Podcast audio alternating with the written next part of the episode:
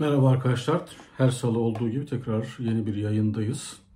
Geçen hafta pazar günü 28 Şubat'ın zannederim 23. yıl dönümüydü. Dolayısıyla geçen haftanın gündeminde 28 Şubat ee, ve bu süreçte yaşananlar vardı. AKP iktidarı 28 Şubat'ın bin katı bir zulüm uygulamasına, baskı uygulamasına rağmen sosyal medya ve medyasıyla ve Erdoğan bizzat kendisi de 28 e, Şubat'ı istismar etmeyi, e, onu kullanmayı, yine kendilerine mağdur göstermeyi başardılar. Bununla ilgili tabii çok ironik, e, trajikomik e, Twitter'lar, sosyal medya paylaşımlar da vardı. Erdoğan e, yine 28 Şubat sürecinin e, fırsatını kaçırmadı mağduriyeti için. Okuduğum bir şiir sebebiyle hukuksuz bir şekilde hapse atıldım dedi ama buna karşı sosyal medyada çok sayıda karşı cevaplar oldu. Yani şu anda yaşanılanın 28 Şubat'ta e, sekülerlerin yaşattıklarıyla kıyaslanamayacak kadar çok olduğuna dair e, tweetler vardı. Mesela bunlardan bir tanesi zannederim e, bir mülki amir e, Erdoğan'a şöyle cevap vermiş. Onun altına tweetini de koyarak Bakanlar Kurulunca kamu yararına çalışan dernek statüsü verilen kimse yok mu derneğine yardım yaptım diye terör örgütünün finansmandan yargılandım. Milli Eğitim Bakanlığı'nın onay verdiği okullara çocuklarımı gönderdim diye 497 gün hapis yattım ve 6 yıl 3 ay ceza aldım demiş Metin Borazan isimli bir e, vatandaş. E, yine Hüsamettin Cündoruk e, bu süreçle ilgili yargıcın yargıcı tutuklandığı AYM üyelerinin müebbet hapis yattığı bir süreçten geçiyoruz. Tuz koktu e, demiş. E, Akın İpek yine Erdoğan'ın bu tweetine kolay deyince laf olsun diye söylemiyorlar. Bir anda 7 yıldızlı otel, otel sahibi olan aileler var diyor. Yani kendi oteline 7 yıldızlı oteline daha önce AK Partililerin misafir olduğu, kaldığı, yiyip içtikleri ve bedel ödemeden misafir oldukları e, yaşlı bir annenin e, evini soyacak tinette e, insanlar var çıktı bu dönemde ortaya diyor. Evet Levent Üzüm Levent Üzümcü yaptığım bir konuşma nedeniyle hukuksuz yere işimden atıldım. Kimin bakalım kim attırdı? Bilin bakalım kim attırdı diye Erdoğan'ın e, bu 28 Şubat sebebiyle şiir okudum, işten atıldım, hapse atıldım tweetini koymuş. Mustafa Yeneroğlu eski bir AKP'li e, zannederim şu anda e, Davutoğlu ile beraber e, siyaset yapıyor. Talimatla cezaevinde tutulan insanların olduğu bir ülkede iktidar insan hakları reformu lütfedecekmiş. Bir de ciddi ciddi milletin inanmasını bekliyorlar. Bu tweet de zannederim bugün açıklayacaklardı. Ee, Erdoğan yeni bir insan hakları paketi açıklayacaklarını söyledi. Yani e, komedi gibi bir ülke, bu kadar ağır zulümler var, yüz binler e, cezaevlerinde ve hiçbir suçları yok insanların. Hala her gün tutuklamalar yapıyorlar. Yine bugün operasyonlar vardı ama hiç yüzleri kızarmadan öte taraftan şunu rahatlıkla diyebiliyorlar. İnsan hakları ile ilgili bir düzenleme yapacağız, reform yapacağız. Ee, daha önce de anayasa e, ifadesini gündeme getirmişlerdi. Anayasa yapacağız, işte parlamentoya döneceğiz, Avrupa Birliği'ne yöneleceğiz. Çok ciddi sıkıştıkları için sürekli insanlara altı boş umutlar dağıtıyorlar. Tabi bunda şunun da etkisinin olduğunu düşünüyorum. Ee, yani ABD senatosu 100 e, senatörden 54 tanesi geçtiğimiz haftalarda Türkiye'de çok ciddi insan hakları ihlalleri olduğunun bunun engellenmesi gerektiğiyle ilgili bir e, imza vermişti ve hükümeti bu konuda adım atmaya e, teşvik etmiş, uyarmıştı. Şimdi yine birkaç gün önce bu defa e, Senato'dan, e, Temsilciler Meclisi'nden 181 üyenin, zannederim 400 civarı üyesi var. Temsilciler Meclisi'nin 181 üyenin imza attığı Türkiye'deki insan hakları ihlallerine dikkat çeken açıklamalar geliyor. Öte taraftan Halkbank davası başladı. Buradan sıkışıyor. Avrupa Birliği'nin ayrı sıkıştırmaları var.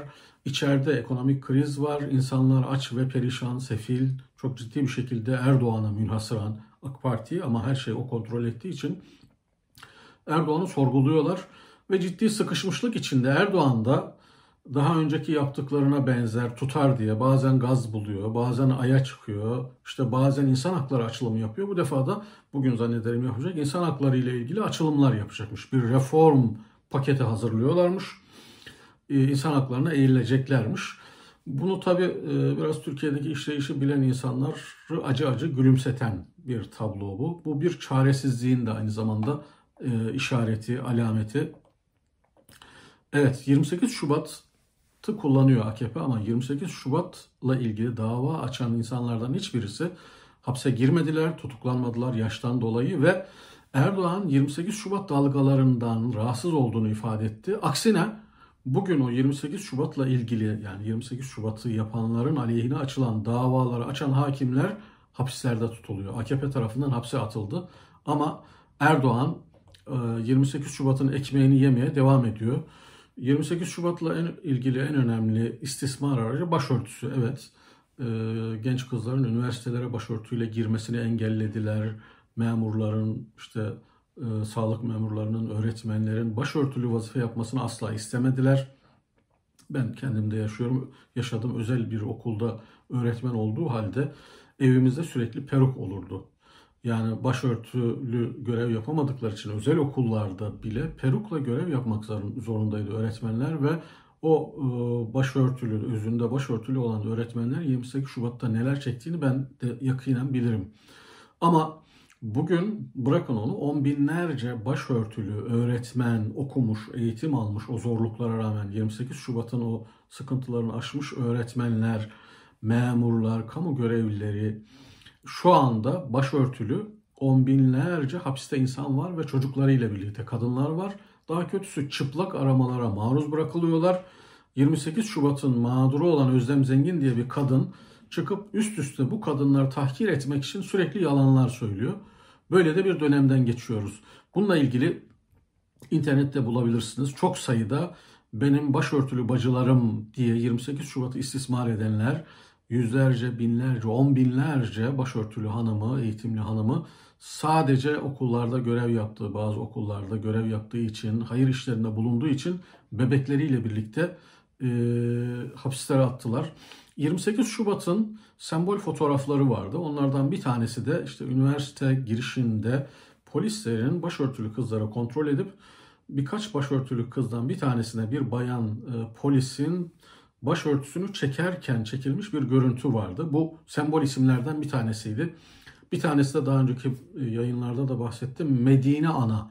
Yani kanser tedavisi ağır bir tedavi gören bir hanımın başı açık fotoğraf istendiği için 70-80 yaşında annemizin hmm, Photoshop'la başı açık fotoğrafının konulmasıydı. Peki AKP zulmünün sembol fotoğrafı bence şu olacak. Doğum yaptığı gün e, gelip polislerin hastaneyi bastığı ve aynı gün bazen bazen bir gün sonra bebeğiyle birlikte cezaevine götürdüklerini biliyoruz. Bunun sayısı ne kadar oldu bilmiyorum. Yüzleri geçti belki binlere ulaştı. E, ama bununla ilgili bir fotoğraf var. Kadın yeni doğum yapmış hastanede ve e, hemen kapının ağzında bir tane polis memuru bekliyor. Yani doğum yapmış kadını alıp cezaevine götürmek için bekleyen bir polis ve bebeği yanında bir kadın. E, bu tabloda zannederim AKP zulmünün sembol isimlerinden birisi olacak. Bu fotoğraf diyor Sevinç Özaslan atmış bu tweet'i. Bu fotoğraf 28 Şubat 1998'de çekilmedi. Daha 3 ay önce 1 Ocak 2021'de Ankara'nın göbeğinde özel bir hastanede çekildi. Yeni doğum yapmış lohusa bir kadının odasına polis gönderip arama yaptırmak için utanmadınız mı diye böyle bir tweet atmış. Yine sembol fotoğraflardan birisi belki hapse atılan kadınlarla birlikte cezaevinde yaşamak zorunda kalan bebeklerin fotoğrafları var. Bu fotoğraflar da diyor tweette İzmir Şakran cezaevinin farklı koğuşlarından farklı yaşlarda çocuklar cezaevlerinde büyümek zorunda kalıyorlar. Anneleri de masum aslında. Anneleri hırsızlık yapmamış, insan öldürmemiş, herhangi bir şiddet kullanmamış. Sadece AKP'ye muhalif bir görüşe sahipler. Aslında dindar tamamen hepsi ama 28 Şubat'ı ve başörtüsünü istismar eden AKP bu çocukları ve annelerini hapislere atıp 5 yıldır hapislerde tutmaktan utanmıyor. Öte taraftan da başörtüsünü ve 28 Şubat'ı hala e, istismar ediyor. Evet, Hasan Cücü'nün bir tweet'i var. 28 Şubatçılar zorla başörtüsü çıkarıyordu. AKP ise hapishaneleri başörtülerle doldurdu demiş. Burada da işte başörtülü hanımların cezaevinde verdikleri poz ve bir tarafta da o 28 Şubat'ın sembol fotoğrafı var. Bir e, kız öğrencinin polisler başını zorla açtıkları bir tablo var. Evet, maalesef 28 Şubat'ta e, insanlar ters kelepçelenip hapislere doldurulmamıştı. Belki e, anasından, bacısından dolayı, başörtülü olduğundan dolayı bir kısım engellemelere maruz kalmıştı. Kamu kurumlarına girmeleri engellenmişti. Şu anda AKP e, bu başörtülü insanları on binlercesini hem işinden attı hem yokluğa mahkum etti hem de hapislere doldurdu. Evet, Halil İbrahim Berber isimli bir hesap fark göremiyorum. Tek fark bugünküler İslamcı faşistler demiş. 28 Şubat'taki manşetlerden bir tanesi irtica PKK'dan tehlikeliydi. Aynı gazetenin bu defa paralel örgüt PKK'dan tehlikeli demiş. O dönemde de e, itibarsızlaştırmak istedikleri Mehmet Ali Birant gibi insanlara, gazetecileri, Fethullah Gülen'i de eklemişlerdi bir listenin arkasına, Erbakan'ı eklemişlerdi. İtibarsızlaştırmak istedikleri insanları bir şekilde PKK'nın altına ekleyerek itibarsızlaştırıyorlardı. Bugün de e, paralel diyerek veya FETÖ diyerek insanları, kişileri, kurumları, grupları itibarsızlaştırıyorlar maalesef. Evet Abdülhamit Bilici iktidarın yolsuzluklarını yazdığım için gazetem 5 Mart 2016'da susturuldu. Onlarca meslektaşım sırf haberleri, köşe yazıları ve tweetleri nedeniyle hapse atıldı. Ben de sürgündeyim. 28 Şubat'ta darbeciler sadece TSK etkinlikleri için akreditasyon uygulanmakla yetinmişti. 28 Şubat'ı hatırlayalım gazetecilere sadece garnizonlara akreditasyon nedeniyle girme engeli vardı. Ama hiçbir gazete kapatılmadı, hiçbir gazeteci hapse atılmadı. Ama şu anda 154 e, tane medya organı kapatıldı. Yüzlerce gazeteci hala hapishanede girip çıkanları saymazsanız e, sivil toplum kuruluşlarından kapatılan 1500'ün üzerinde vakıf, dernek, sivil toplum kuruluşu var. E, ama Erdoğan hala mağdur. Evet, bir başka tweette de 28 Şubat olmasaydı AK Parti olmazdı. Evet, AK Parti'nin varlık sebebi 28 Şubat'ı. Şubat 28 Şubat'ın geçen yayında da bahsettik. Uygulanması AK Parti'yi doğurdu. Benim kanaatimi sorarsanız sonucu oldu ama daha sonra AK Parti muhtemelen devşirildi ve 28 Şubatçıların o projeleri uygulamak için o 28 Şubat 1997'de altına atılan imza ve daha sonra MGK'nın yayınladığı yapılacak işler deklarasyonunda yarım kalan işleri Erdoğan'a e, tamamlattılar. Evet, 28 Şubat'ın e, sembol fotoğraflarından birisi de başörtülü anaların TSK içinde çocuklarının yemin törenlerine, oğullarının askerdeki yemin törenlerine girememesiydi. Şu anda bu anaları yaşına başına bakmadan hapislere dolduruyorlar. Hapislerde böyle bir sürü ana var şu anda. Ee, anaların suçu da bir vakfa yardımcı olmak, hayır kuruluşları için çaba sarf etmek, bir öğrenciye burs vermek. Hatta hatta bugün okudum. İzmir'de e, evini, tek evi çok da zengin değil, bağışladığı için vefatından sonra bir hayır kurumuna, bir vakfa e, o anneyi, 80 küsur yaşındaki anneyi Vakıflar Genel Müdürlüğü e, evini boşaltmak için uyarı vermiş evini çıkar, boşalt diye.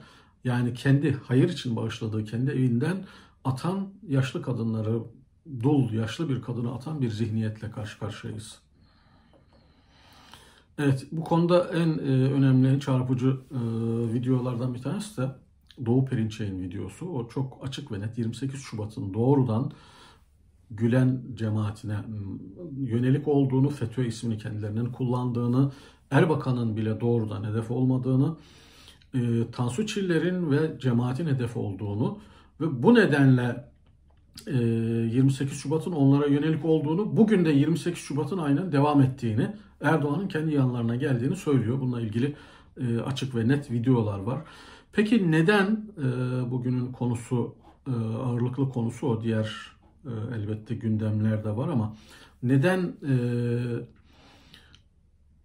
bu 28 Şubatçılar Erdoğan'ı taşeron yapıp cemaati hedef aldılar. Bunun temel sebebine, bunun üzerine durmak istiyoruz.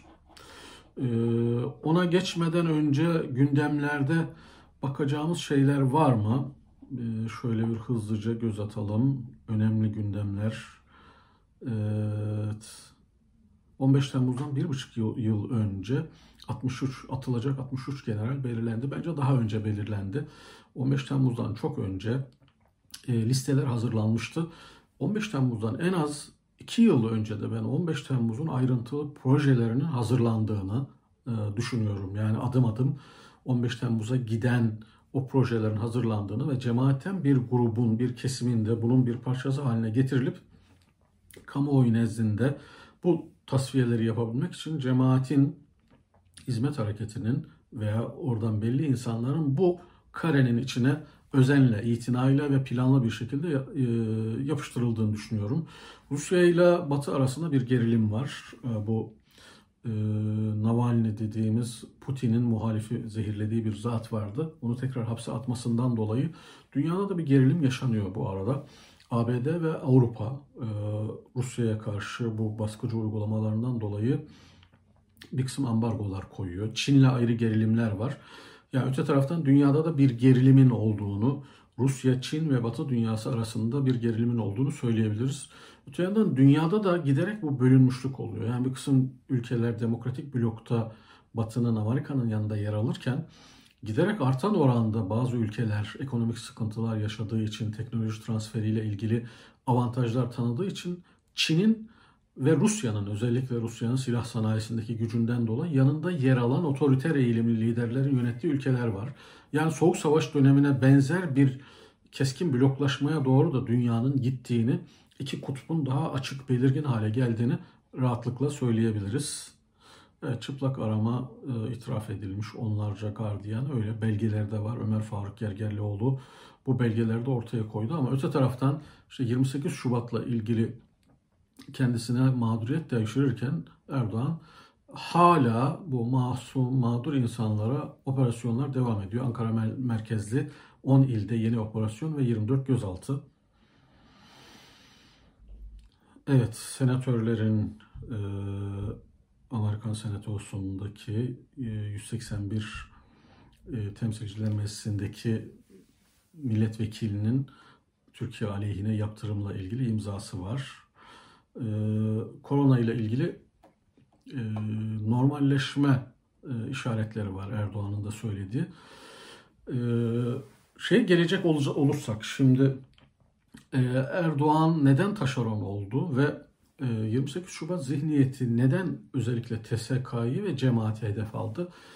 Bunun okuyabilmek için geriye doğru gitmek lazım. Türkiye Cumhuriyeti kurulduktan sonra geçen haftaki yayında da bunu anlatmıştım kısmen ama e, neden TSK? Bunun üzerinde durmadım ve neden cemaat durmadım? Bu hafta da onun üzerine duralım. Cumhuriyet ilan edildikten sonra Mustafa Kemal ve e, İttihatçı gelenekten gelen askerler e, milli mücadeleyi verdiler. Haklarını teslim etmek lazım. O dönemde e, yetişmiş, donanımlı, aktif e, subaylar yine İttihatçılar da büyük oranda Kazım Karabekir'den, Ali Fuat Cebesoy'dan, Refet Bele'den e, pek çok İsmet İnönü'ye kadar bunların hepsi iddiaçı gelenekten gelen e, insanlardı ve bunlar milli mücadele için hareket başlattılar. E, pek çok kesimin e, onayını aldılar. İşte misak-ı milli dediğimiz Kürtlerin ve Türklerin yaşadığı onun için Kerkük'ten Batum'a karşı kadar bunun içindedir. Dindarların onayını aldılar ve bir milli mücadele yürütüldü ve ülke kurtuldu. Ondan sonra birinci mecliste bu yapıldı. Gayet demokratik bir mecliste. İkinci mecliste birlikte ve 1924 Anayasası ile birlikte otoriterleşme başladı. Ee, çok partili sisteme geçene kadar İsmet İnönü ve Atatürk yönettiler. İşte iki defa e, muhalif parti kurma çabası oldu. 1925 Terakki, Terakkiperver Cumhuriyet Fırkası ve 1929-30 Serbest Fırka. Bunların her ikisi de ağır bir şekilde bastırıldı. Birisi Şeyh Said vakası bahane edilerek bunların da provokasyon olduğuna e, güdümlü olaylar olduğuna dair e, yorumlar var. İkincisi Menemen vakası ve her ikisinde de muhalefet ağır bir şekilde sindirildi. Bu tek parti döneminde Mustafa Kemal ve arkadaşları İttihatçı zihniyet şunu yaptı. O dönemde sivil alanı düzenlediler, devrimler yaptılar ve toplumu dönüştürmeye çalıştılar.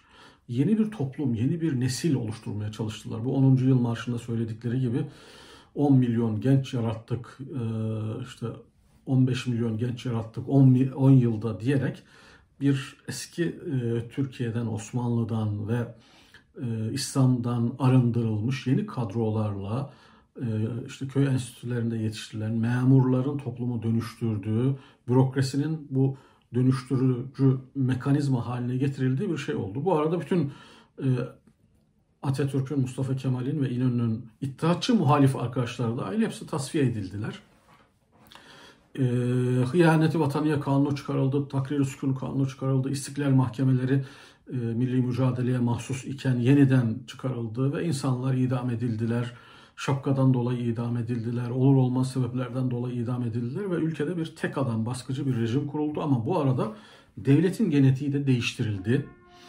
Ee, çok partili sisteme geçtikten sonra Menderes döneminde Menderes de orduda tasfiyelerde bulundu. Normalde Menderes CHP'nin içinden çıkan e, mua, muazzalı bir Menderes ve e, ilk Cumhurbaşkanlarından Celal Bayar'ın kurduğu, e, Ali, e, Ali Fuat Köprülü'nün kurduğu, Fuat Köprülü'nün kurduğu e, Demokrat Parti muazzalı olarak kuruldu. Yani İnönü'nün onayıyla kuruldu. Çünkü o dönemde dünya konjonktürü onu gerektiriyordu. Ama 10 yıllık iktidarı döneminde kurulu düzene tehditler oluşturdu. Ne yaptı? Dini değerlerin önünü açtı. İstismar da denebilir buna, önünü açma da denebilir. İşte baskılanmış olan insanların, Anadolu kültürünün, Anadolu insanının bir miktar önünü açtı. Dolayısıyla ilk defa bu dönemde insanlar okumaya başladılar, farklı kurumlara girmeye başladılar, dini duygularını yaşamaya başladılar.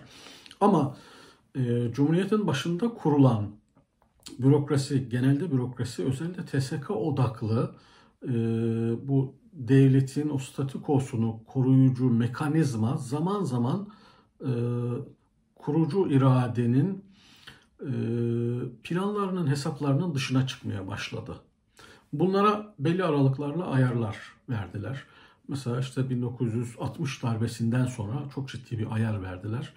E, bu ayarda bugünküne benzer yani bugün AKP'nin yaptığı TSK'daki kıyıma benzer bir kıyım oldu. Mesela o dönemin ordusundaki zannederim 1960'larda Türkiye Cumhuriyeti'nin nüfusu 30 milyon filan civarındadır.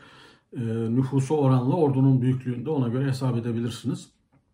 235 tane general ve amirali 60 darbacı, darbeciler Milli Birlik Komitesi dediğimiz o dönem darbe sonrası yöneten komite tasfiye etti ve 5000'e yakın subayı tasfiye etti. Dolayısıyla 60'tan sonra e, böyle biraz Osmanlı artığı kalan ki e, tek parti döneminde TSK çok da kritik değildi. Fevzi Çakmak uzun yıllar Genelkurmay Başkanlığı yaptı.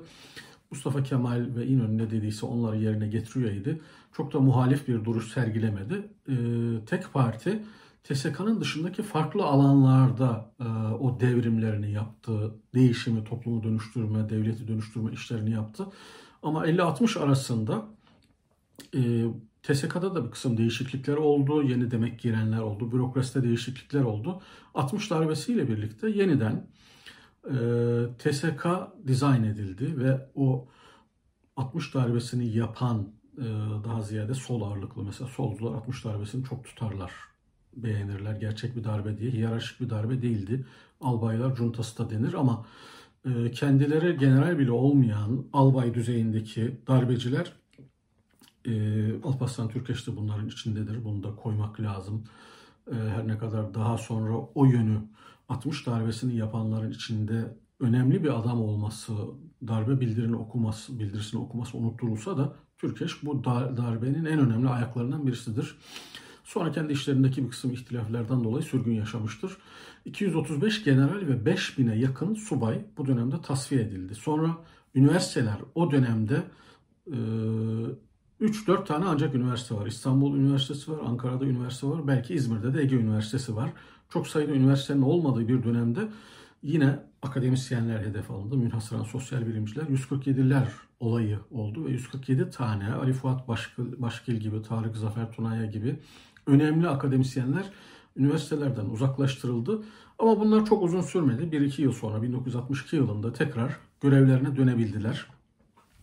1960 darbeciler şunu yaptı benim kanaatimce. Menderes dönemi kontrollü bir demokratikleşme dönemi olsa da kendilerince kontrolden çıktığı, şirazeden çıktığını düşündükleri için 60 sonrası o statükoya hükmeden irade, Bunun içteki karargahı genelde TSK'ydı.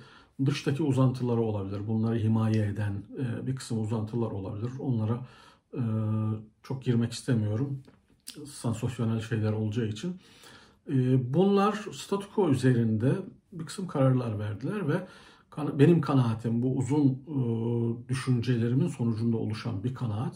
Siyasi partileri de e, kontrol altında tutma, siyasi liderler, siyasi partiler üretme ve bunları asla boş bırakmama, yine meslek kuruluşlarını boş bırakmama, gazeteleri boş bırakmama gibi bir e, karar aldıklarını düşünüyorum. Bu tarihlerden sonra hayatın her alanında bu statükonun temsilcisi insanlar oldu. Münhasıren bütün meslek kuruluşlarında mesela şoförler adası, işte ne bileyim barolar filan gibi böyle mühendisler odası gibi onun dışında gazetecilerden mutlaka böyle e, önde gelen gazetecileri ya satın aldılar ya kendi gazetecilerini öne çıkardılar. Böylece farklı zamanlarda bu insanların hayatın değişik alanlarına, siyasetin içinde zaten öyle oldu, yerleştirilmiş bu insanları e, statüko lehine gerektiğinde devreye girecek şekilde hazırladılar.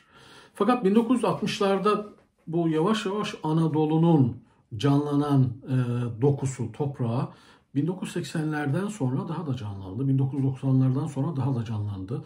Türkiye'de statüko şunu planlamıştı. Aslında bütün e, postkolonyal dönemden sonra eski e, sömürge olan ülkelerde kolonyalist devletler bunu yapmışlardır. Emperyalist devletler o ülkedeki dengeleri ya bir azınlığın üzerine kurarak mesela Suriye'de Baas ama e, Rafizi dediğimiz yani Esed'in ailesinin %10-12'lik bir e, nüfus diliminin üzerine kurarak o ülkeyi idare etmişlerdir. Niye öyle yapıyorlar? Çünkü azınlığın üzerine kurarsanız bir yapıyı o yapı size mahkum olur. Veya genelde TSK üzerinde, ordular üzerinden o toplumları kontrol etmeyi denemişlerdir, çalışmışlardır. Ordular elbette yeniliklerin 3. E, dünya ülkelerinde en önemli motorudur. Türkiye'de de öyle olmuştur ama öte taraftan kolonyalist ülkelerin o ülkeleri sömüren, çekildikten sonra kontrol etmek isteyen ülkelerinde ordular üzerinden o kontrollerini devam ettirdiğini, o ülkeler kontrol dışına çıktığında darbelerle yeniden hizaya soktuklarını biliyoruz. Türkiye'de de TSK e, statüko lehine hayatın farklı alanlarını revize etmede, balans ayarı yapmada hep çok önemli bir güç oldu.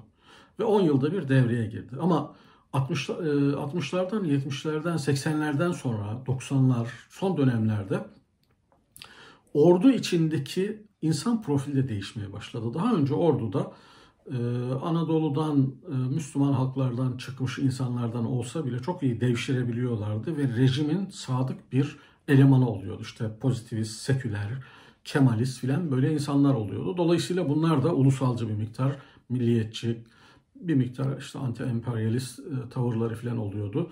Ve daha ziyade de yine azınlıklar işte ve Selanikliler dediğimiz bir kısım insanlar yargının, ordunun, akademiyenin içinde uzunca dönem hep etkili olmuşlardı. Ama 1980'lerden sonra Türkiye'nin profili değişti 90'lardan sonra. Bu insanlar e, yani statükoyu ayakta tutan bu zihniyetin insanları varlıklı zengin oldukları için TSK gibi kurumlara gitmek istemediler. Çünkü meşakkatli, zor, ağır, e, memur olmak istemediler. Daha ziyade ticaretle meşgul oldular.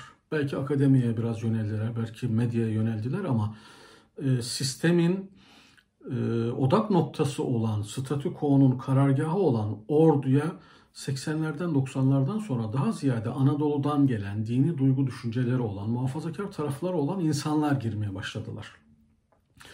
Ve bu girişlerin genelde e, bürokrasinin, özellikle ordunun, yargının içine girişlerde cemaat dediğimiz yapı, kurduğu eğitim kurumlarıyla, modern eğitim kurumlarıyla Anadolu'dan gelen bu dindar, muhafazakar insanları ve dini duygularını koruyarak bürokrasiye taşıdığı için nasıl taşıdığı, ne yaptı bunlar tartışılabilir. Burada eleştirilecek taraflar olabilir ama netice itibariyle 80'lerden 90'lardan sonra Cumhuriyet'in kuruluşundan beri statükoyu kontrol eden insan profilinde TSK'da, yargıda, bürokraside ciddi bir değişiklik oldu.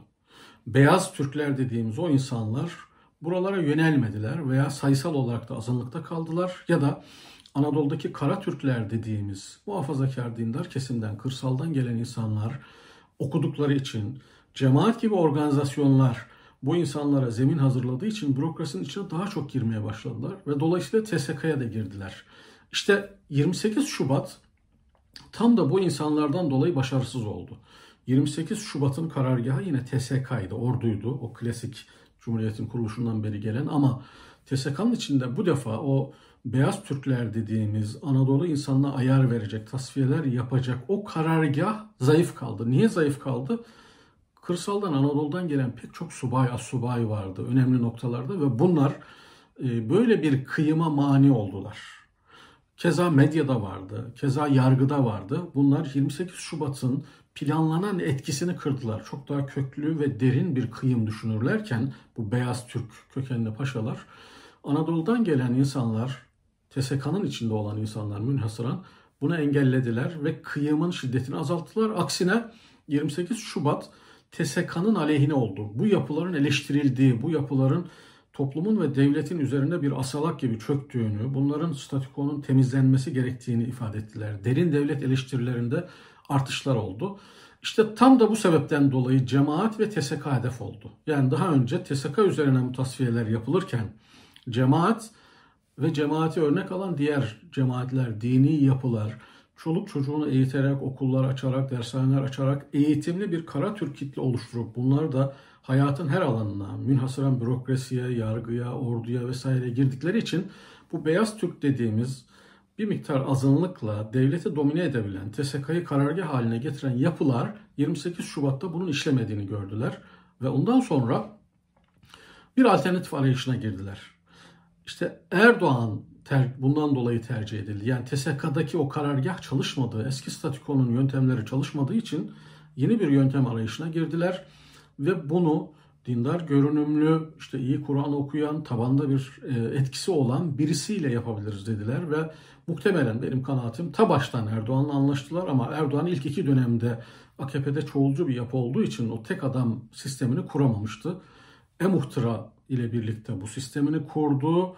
Ondan sonra da e, daha önce Statiko'nun ve TSK üzerinden yaptığı temizliği karargahı MIT'e taşıyarak dini argümanlar kullanarak önceden Kemalist argümanlar, sekülerist argümanlar kullanılıyor ve bu kadrolar yani Anadolu'dan gelen Kara Türk kadrolar öyle temizleniyordu. Erdoğan bunun e, bu taşeron misyonu gereği, gereği karargahını MIT'e taşıdı ve dini söylemler, milliyetçi söylemler, muhafazakar söylemler üzerinden bu defa TSK'ya hedef aldı. Çünkü TSK içindeki o beyaz Türkler, Anadolu'dan gelen insanlar sebebiyle TSK'yı toplum üzerinde bir sopa olarak kullanamaz hale geldiler. Yargıyı hedef aldılar, keza yargıyı bir sopa olarak kullanamaz hale geldiler. Ve bu taşeron misyonu gereği de Erdoğan bu iki kesimde 60 ihtilalinde aratacak şekilde kurmay subayların %80-90'ına varan oranda e, e, hava kuvvetlerinde savaş uçaklarını uçuramayacak uçuracak e, pilotların bulunamayacağı derecede bütün kurmayları, bütün generallerin çok büyük bir kısmını tasfiye etti ve ordu içindeki bir nevi kara Türkleri, Anadolu'dan gelen milliyetçi, muhafazakar, dindar, yani o beyaz Türk olmayan kesimleri veya beyaz Türklerle işbirliğine yanaşmayan beyaz Türklerin veya statükonun toplum üzerindeki o dizayn çabasına engel oluşturan kesimleri e, tasfiye ettiler. Bunu tasfiye ederken akıllıca bir yöntem kullandılar. Erdoğan gibi bir figürü kullandılar ve dini söylemler kullandılar. Şu sıralarda Erdoğan bu misyonun bittiğinin farkında ve bu nedenle de e, daha öncekilerle karşılaştırılmayacak kadar niteliksiz, özelliksiz AK Parti tabanından ve diğer cemaatlerden, kesimlerden devletin bu noktalarına sürekli adam dolduruyor. Ama e, ekonomisi bittiği için ülkenin, dış politikası bittiği için yani Erdoğan'ın oy potansiyeli sürekli bir şekilde eridiği için Erdoğan'ın bu taşeron misyonu bittikten sonra iktidarda kalmasının çok da mümkün olmadığını düşünüyorum. O anlaştığı statükocu, ergenekoncu yapıya karşı kendi silahlı birimlerini, Sadat gibi birimlerini, bir kısım e, silahlı yapıları kullanarak belki bir iç savaş çıkarırım, ülkeyi gererim diye tehdit etmek istiyor ama gelinen nokta şunu gösteriyor.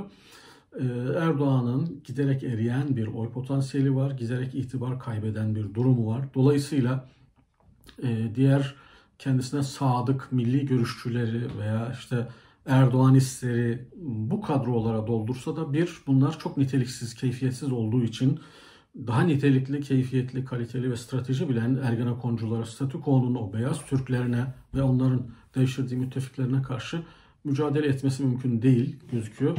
Gelinen noktada e, Erdoğan'ın bir şekilde tasfiye edilmesi ve yeniden 100 yıldır bu ülkede devam eden statükonun TSK'da, yargıda e, ipleri tekrar eline alması mümkün ve muhtemel gözüküyor. Cemaatin e, hedef alınmasının en temel sebebi statükonun merkezinde uzun yıllardır devam eden beyaz Türklerin, Kemalistlerin, sekülerlerin o düzenini Anadolu'dan taşıdığı daha nitelikli, kaliteli insanlarla, insanlarla sarsması ve TSK üzerinden yaptıkları bu ayarları artık topluma, toplumun farklı kesimlerine veremez olmalarıdır. Bu nedenle TSK'yı hedef aldılar ve TSK'yı bunların hepsinin cemaatçi olması mümkün ve muhtemel değil. Bir şekilde muhafazakar, bir şekilde o Kemalist seküler zihniyetle veya statikocu derin yapılarla uzlaşmayan ne kadar insan varsa bunları tasfiye ettiler. E, TSK'nın hedef almasının sebebi, hedef olmasının sebebi bu. Yani cemaatin genelde bürokrasiyi, e, e, TSK'yı Anadolu'dan yetiştirdiği insanlarla domine etmesi, oralara bu insanları göndermesi, eğitimli bu insanların oralara gitmesiyle de 100 yıldır kurulu olan, e, istediği zaman e, sivil siyasete ve devletin farklı alanlarına topluma balans ayarı veren bu e, karargahı dağıtması, bu yapıyı bozması, bu 100 yıllık oyunu bozması cemaatin hedef olmasının en büyük sebeplerindendir. Cemaatin eleştirilecek noktalar olabilir. Ben de eleştiriyorum. Yanlış yaptığı şeyler olabilir ama cemaati, hizmet hareketini hedef yapan, kökünü kazıyacak kadar dedelerine, bebelerine kadar hapse attıracak kadar bir husumet oluşturan şey 100 yıldır kurulu olan beyaz Türkler, sekülerler, e, Kemalistler ve derin devlet dediğimiz o Ergenekoncuların mutlak kontrol ettiği az bir güçle az bir popülasyona dayalı olarak, nüfusa dayalı olarak toplumun her alanını domine edip kontrol ettikleri bu yapıyı cemaat Anadolu'dan yetiştirdiği insanlarla genelde bürokraside, özelde de TSK üzerine kırdığı için cemaate bu kadar husumet var. Doğu Perinçek'in husumeti bu nedenle bu kadar büyük. Ergenekoncu paşaların husumeti bu nedenle bu kadar büyük. Onların bu kadar da boş değiliz. Çoluk çocuklarına kadar kıyacağız. Ölmek için bizden yalvaracaklar diyen paşaların husumeti bundan dolayı dıştaki hamilerinin de katkısıyla 100 yıldır kurdukları ve işlete geldikleri bu statükoya cemaat Anadolu'dan yetiştirdiği çalışkan, dürüst, başarılı, nitelikli insanlarla çomak soktu ve onların kurduğu o düzeni bozduğu için, çalışmaz hale getirdiği için hedefte. Ondan dolayı bu kadar büyük bir kin ve nefretle üzerlerine gidiyorlar. Ama muhafazakar toplum, e, Anadolu insanları bunun farkında değil. Çünkü Erdoğan gibi dini istismar eden, dini söylemler kullanan bir taşeron kullandıkları için bu defa bunu çok iyi perdelediler. Yani 28 Şubat'ın hatasına düşmediler. 28 Şubat'ta Kemalist söylemlerle, seküler söylemlerle TSK üzerinden toplumu yeniden dizayn etmek, statükoyu yeniden eski düzenine oturtmak istemişlerdi. Oradaki hatalarından ders alarak bu defa Erdoğan üzerinden bin yıl sürecek denilen o tasfiyeyi dindar görünümlü bir adam eliyle 6-7 yılda çok daha ağır, çok daha acımasız bir şekilde yaptılar. Eğer bu bugün yaşadığımız tasfiyeler, bürokraside, TSK'da, hayatın her alanda yaşanan tasfiyeler mesela CHP tarafından yapılsaydı toplum karşılık verirdi. Seküler bir dille yapılsaydı toplumun büyük bir kesimi karşılık verirdi. Ama Erdoğan gibi dini söylemleri çok iyi kullanan, dini istismar eden bir adam tarafından kullanıldığı, yanında da MHP gibi bir milliyetçi, kafatasçı söylem e, üreten biri ile beraber yapıldığı için toplum kendilerine yapılan bu kıyımın, bu kazıma operasyonunun farkında olmadı. Zannederim farkında olduğunda da iş işten geçmiş olacak. Hasarın büyüklüğünü bu e, fırtına geçtikten, toz bulutu geçtikten sonra anlayacak Türk toplumu diye düşünüyorum. Evet, teşekkür ederim.